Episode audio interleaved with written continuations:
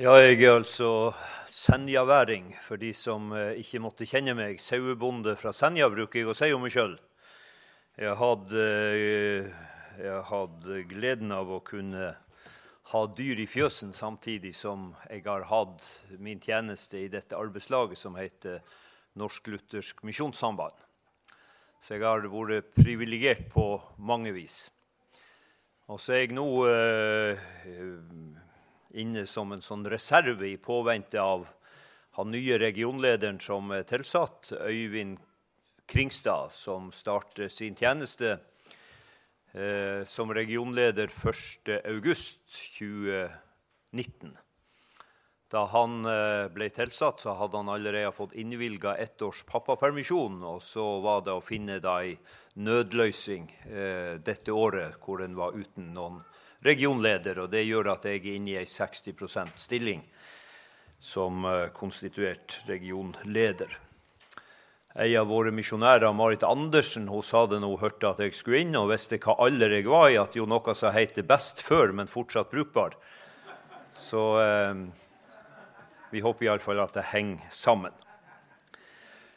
Så er det en glede å få være på Fjellheim nok en gang og dele Guds ord. Og så er det så godt å tenke på at han som har gitt oss ordet, han har også sendt den andre talsmannen for å åpne sitt ord for oss. Og vi fortsetter å be. Herre, vi takker deg for at du har gitt oss ditt ord, og vi takker deg for at du har sendt Helligånden for å lukke opp ditt ord for oss. Og vi ber, Herre, at du også kunne formå å åpne våre hjerter for ditt ord. Så takker vi deg for at du gjennom din sønn Jesus Kristus har åpna en, en, adgang for oss inn til din kongsstol. Og vi ber, Herre, at du, at du som lever og ber for oss, at du ser hva vi trenger, og gir oss det vi trenger. Ut ifra ditt ord og ved din ånd. Vi ber om det. Amen. Teksten for palmesøndag står i Johannesevangeliets tolvte kapittel. Og det er da de 13 første vers av kapittel 12 hos Johannes som er satt opp som palmesøndagstekst. Og vi leser Jesu navn. Seks dager før påske kom så Jesus til Betania, der Lasarus bodde, han som Jesus hadde reist opp fra de døde. Der holdt de et festmåltid for ham. Martha vartet opp og Lasarus var en av dem som lå til bord sammen med ham. Maria tok da et pund ekte, meget kostbar nardussalve og salvet Jesu føtter, og hun tørket hans føtter med sitt hår. Og huset ble fylt av salvens duft. Da sier Judas Iskariot, en av disiplene hans, som han som skulle komme til å forråde ham. Hvorfor ble ikke denne salven solgt for 300 denarer og pengene gitt til de, til de fattige? Men dette sa han ikke fordi at de fattige lå han på hjertet, men fordi at han var en tyv. Det var han som hadde kassen, og han tok av det som ble lagt i den. Jesus sa da, la henne være, hun har gjemt den til dagen for gravferden min. For de fattige har dere alltid hos dere, men meg har dere ikke alltid.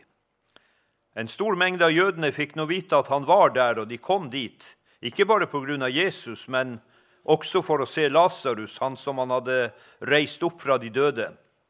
Men yppersteprestene la planer også om å drepe Lasarus, fordi at mange av jødene gikk dit for hans skyld og trodde på Jesus.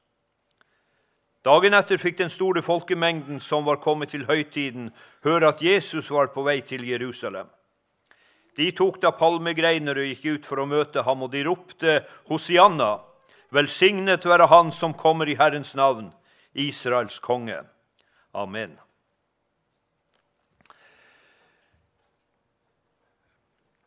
Kapitlet foran her i Johannes evangeliet forteller jo om dette ufattelige at Jesus røyser opp en død mann, vekker opp Lasarus fra de døde.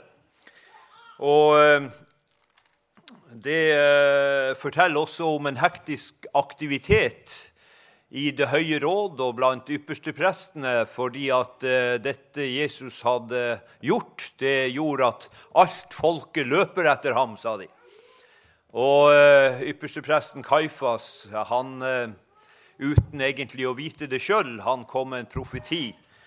Eh, leser vi her i slutten av kapittel 11, der han sier tenk, Dere tenker heller ikke på at det er til gagn for dere at ett menneske dør for folket, og at ikke hele folket går til grunne. Dette sa han ikke av seg selv, står det. Men da han var yppersteprest dette året, talte han profetisk om at Jesus skulle dø for folket. Og Så leser vi også i slutten av kapittel 11 at jødenes påske var nær. Det er jo viktig å på en måte ha, ha rammen, for jødene hadde da feiret sin påske i, eh, fra de gikk ut av Egypt 1500 år tidligere. Så hadde de eh, mintes det Gud gjorde da han førte de ut av trellehuset av Egyptens land. Og det vil vi huske, mange av oss, at eh, eh, farao ved flere anledninger hadde sagt at eh, OK, jeg skal la folket fare, men han gjorde sitt til Gud forherdet faraos hjerte, står det. Og så lot han ikke folket fare. Han hadde god nøtte av Eh, dette jødefolket som etter hvert ble treller i Egyptens land. Det hadde jo starta så flott med at eh, Josef, husker vi, som var solgt av brødrene sine og fikk en sånn status. Han, han uh, sørga for at i de gode år så ble det samla store kornlager som gjorde at det var føde ikke bare for egypterne, men også for folkene rundt om. Så endog Jakob, patriarken, Far til Josef sendte sine sønner til Egypt for å kjøpe korn. Og så endte det jo med at, eh, at eh, Josef ga, til, ga, seg til kjenne en veldig dramatisk og gripende beretning som du skulle ta tid å lese på nytt igjen i Det gamle testamentet. Det er så, det er så uh, mange ting som, som uh, taler til oss også gjennom det som Gud har talt gjennom sine hellige profeter i den gamle pakt.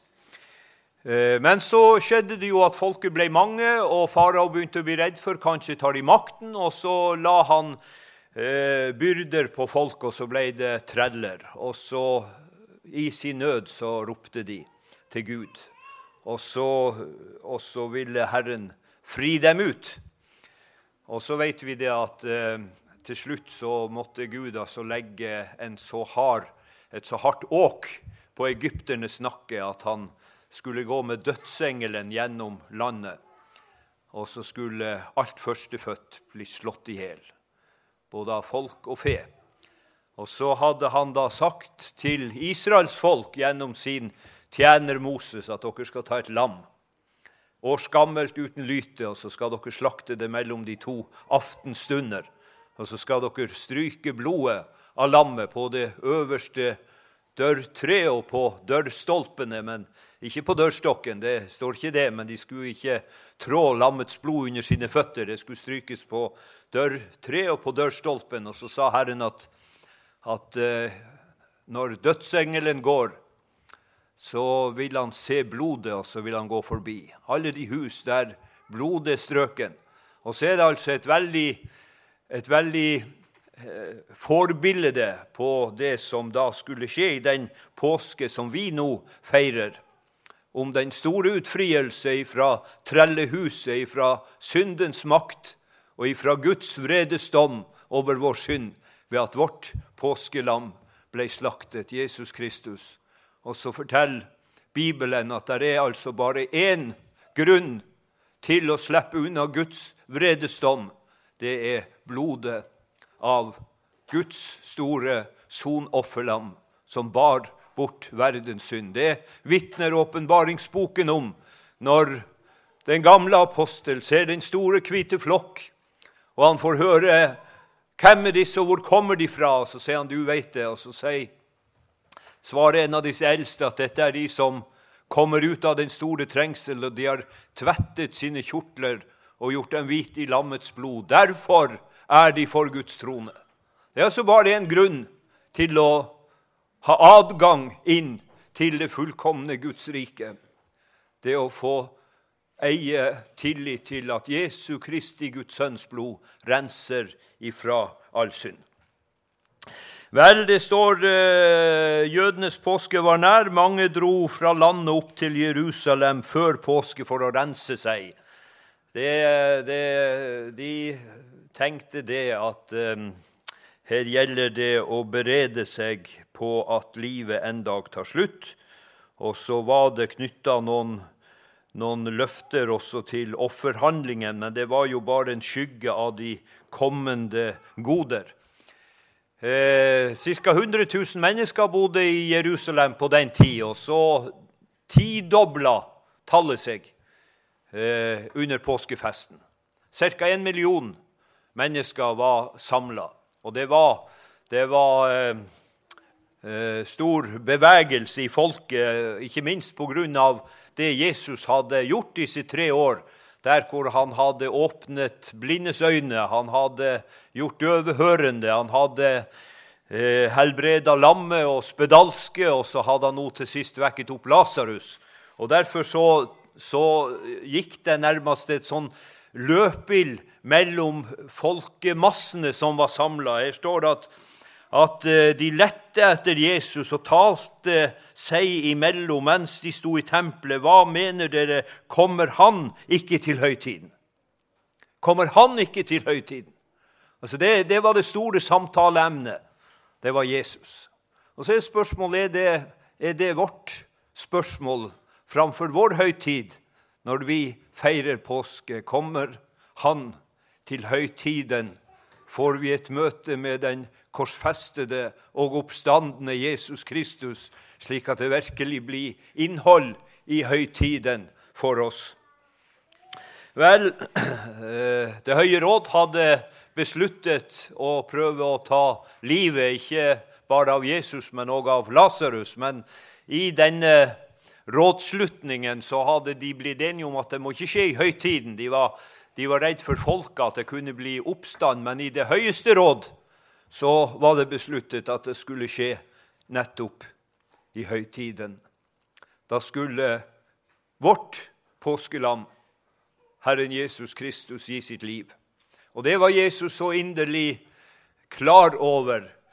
Eh, selv om hans disipler ikke, ikke fatta dette, så, eh, så står det at han tok de tolv til side og sa, se, vi går opp til Jerusalem og alt som er skrevet av profeten om menneskesønnen, skal oppfylles, for han skal overgis til hedningen og bli hånet og mishandlet og spyttet på. De skal hudstryke ham og slå ham i hjel, og på den tredje dag skal han stå opp. Og så står det at de forsto ikke noe av dette. De skjønte ikke heller Dette ord var skjult for dem, og de skjønte ikke det han sa. Og så er det sånn også med oss at det er enda mange ting, sjøl for den som har sett inn i hemmeligheten og fått en aning av hva Gud har gjort, så er det mange ting som enda vi ikke har innsikt i. Endog den store apostel Paulus sier at mens vi er her, så forstår vi stykkevis og skjønner stykkevis. Ingen må tro at han er utlært i det som har med Guds rike å gjøre. Vi står på en måte på, på kanten og ser ned i et bunnløst dyp av nåde og kjærlighet og visdom. Og så trenger vi Helligåndens lys for å se. Og Gud gi at vi kunne ha den tørst i vårt hjerte, at vi ønska å se mer av Ham og det Han har gjort for oss, sånn at det virkelig kunne bli høytid også for oss, fordi at vi fikk visdoms- og åpenbaringsånd, som det står i Efeserbrevet kapittel 1, til kunnskap om Han til en rikdom som vi eier i troen på ham, slik at vi er satt i stand til å være levende vitner eh, i denne vanskelige tid, også i vårt folk, må vi si. Fordi at eh, det som hører Guds budskap til, det har ikke klang i vårt folk. Det må vi si med sorg. Men så, eh, så salves, salves, altså Jesus. Messias betyr den salvede. Og det var, det var profetert. Og, og, 500 år før dette skjedde, så, så eh, leser vi hos profeten Zakaria Frykt ikke, Sions datter. Vi må slå opp. Se, din konge kommer til deg. Leser vi hos Zakaria kapittel 9. Rop med fryd, står det, Sions datter. Rop høyt, Jerusalems datter. Se, din konge kommer til deg. Rettferdig er han og full av frelse. Ydmyk er han og rir på et esel, på den unge eselfolen. Tenk 500 år før. Men så var det altså egentlig besluttet lenge, lenge før den tid, i Guds evige råd, så var det besluttet det som her nå skal få sin oppfyllelse. Vi leser jo det i, uh, i Efeserbrevet at, uh, at Gud valgte oss ut før verdens grunnvoll ble lagt. Og så står det at uh, dette kunngjorde han oss etter sin viljes mysterium etter sitt frie råd, som han forut fattet hos seg selv. Altså Det ble gjort en beslutning i Guds himmel fra evighet av om at i tidens fylde så skulle Sønnen komme inn i verden. Og så kom Jesus. Og så står vi altså ved inngangen av det som er, er sjølve eh, fullbyrdelsen av Guds frelsesråd. Og så spørs det om vi har, om vi har eh, øyne til å se med, at vi har fått hjertets opplyste øyne til å se dette som skjer, på en sånn måte at det blir nytt for oss, stort for oss. Maria hun, eh, hun hadde tatt vare på, eller hun hadde en krukke med, med ekte, kostbar nardussalve, leser vi i dagens tekst. Det hadde hun egentlig gjemt til, eh, til Jesu gravferdsdag. Det sier Jesus sjøl. Han, han veit vet jo hva som bor i et menneskehjerte, men antagelig i sin, i sin glede og i sin takknemlighet over Jesu inngripen i deres sorg og tragedie ved at han hadde oppreist og vekt opp igjen broren deres Lasarus, så, så, henter hun denne krukken når de er samla der i heimen til måltid. Og så bryter hun den, og så heller hun den ut over Jesu føtter og tørker føttene hans med sitt hår. Og så står det så fint, og huset ble fylt av salvens duft. Det er altså en velbehagelig duft når det er mennesker som slik er så tatt av Jesus at de, de bare spør hva kan jeg gjøre for å glede min frelser. Hva kan jeg gi til min frelser? Hva kan jeg gjøre for han? Røkelse, myrra, juveler ei kan forslå til Guds lam. Og så synger vi i den gamle sang Jesus meg selv, jeg deg bringer. Legger meg ned for din fot, at du meg evig skal eie. Jeg er jo kjøpt med ditt blod. Så kan vi tenke det, det er ikke rare gaven å bringe ham. Men hos profeten Jesaja i kapittel 53 så står det det lønnen som han så fram til. Det var nettopp at forkomne, fortapte, hjelpeløse mennesker skulle få høre et budskap om at det åpnet en kilde til liv og til synsforlatelse for alle mennesker. Og så skulle det ropes ut til folket kom, for alt er ferdig. Offeret brakt. Han som var i Guds skikkelse, hørte vi lese teksten fra Filippe-brevet 2. Han fornedret seg selv. Han fornedret seg selv. Han visste hva han gikk til. Herrens apostel Peter prøvde å holde Jesus tilbake og sa at dette må jo ingenlunde skje med deg, når Jesus begynte å gi til kjenne hva slags død som ventet ham. Og så skal vi ikke gå inn på det, men, men eh, det, er, det, er, veldig å lese hvor målrettet Jesus var, hvor innstilt han var på å fullføre sitt oppdrag. For han kom rett og slett ens ærend fra himmelen for å bringe frelse til deg. Han gjorde seg ringe for rikdom å bringe min arme, min fattige sjel. Derfor synger vi oss synder som tankeløs ferdes på jord. Og hør dog, din frelsers, de kjærlige ord, kom hit til meg. Det er Jesu glede, det. det å få gi nåde, gi tilgivelse. Det er det han betalte så høy pris for. Det var å åpne nådens kilde. Og det er det største. Så langt vi kan lese i Bibelen, så er det det største Gud veit, det at det er fattige, fortapte syndere som har bruk for den kosteligste gave, som er mer verdt enn en krukke med nardussalve. Og det er syndernes forlatelse for Jesus skyld. Til at han ga seg hen til soning for alle våre synder. Det, det første, denne, denne, teksten har jo på en måte to høydepunkt. Det ene er salvingen, Messias, den salvede. Og det andre er inntoget i, i Jerusalem, der han setter seg på, på eselfolen og rir inn som kongen. Eh, fattig, ydmykt ridende på eselfolen. Ehm, det kunne Johannesevangeliet, selv om alle de fire evangeliene har Jesu inntog i Jerusalem, så er det kun hos Johannes det står at de brøt palmegrener og hilste og ropte Hosianna. Hva betyr Hosianna? Ehm, det betyr 'frels nå'. Frels nå.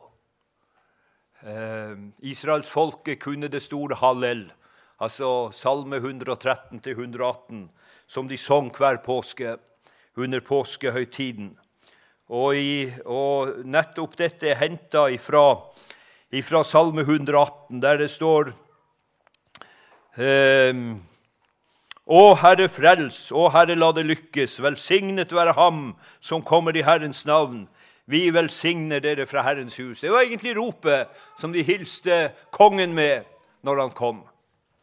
Hosianna, frels nå! Jeg trenger å få rope det på nytt igjen.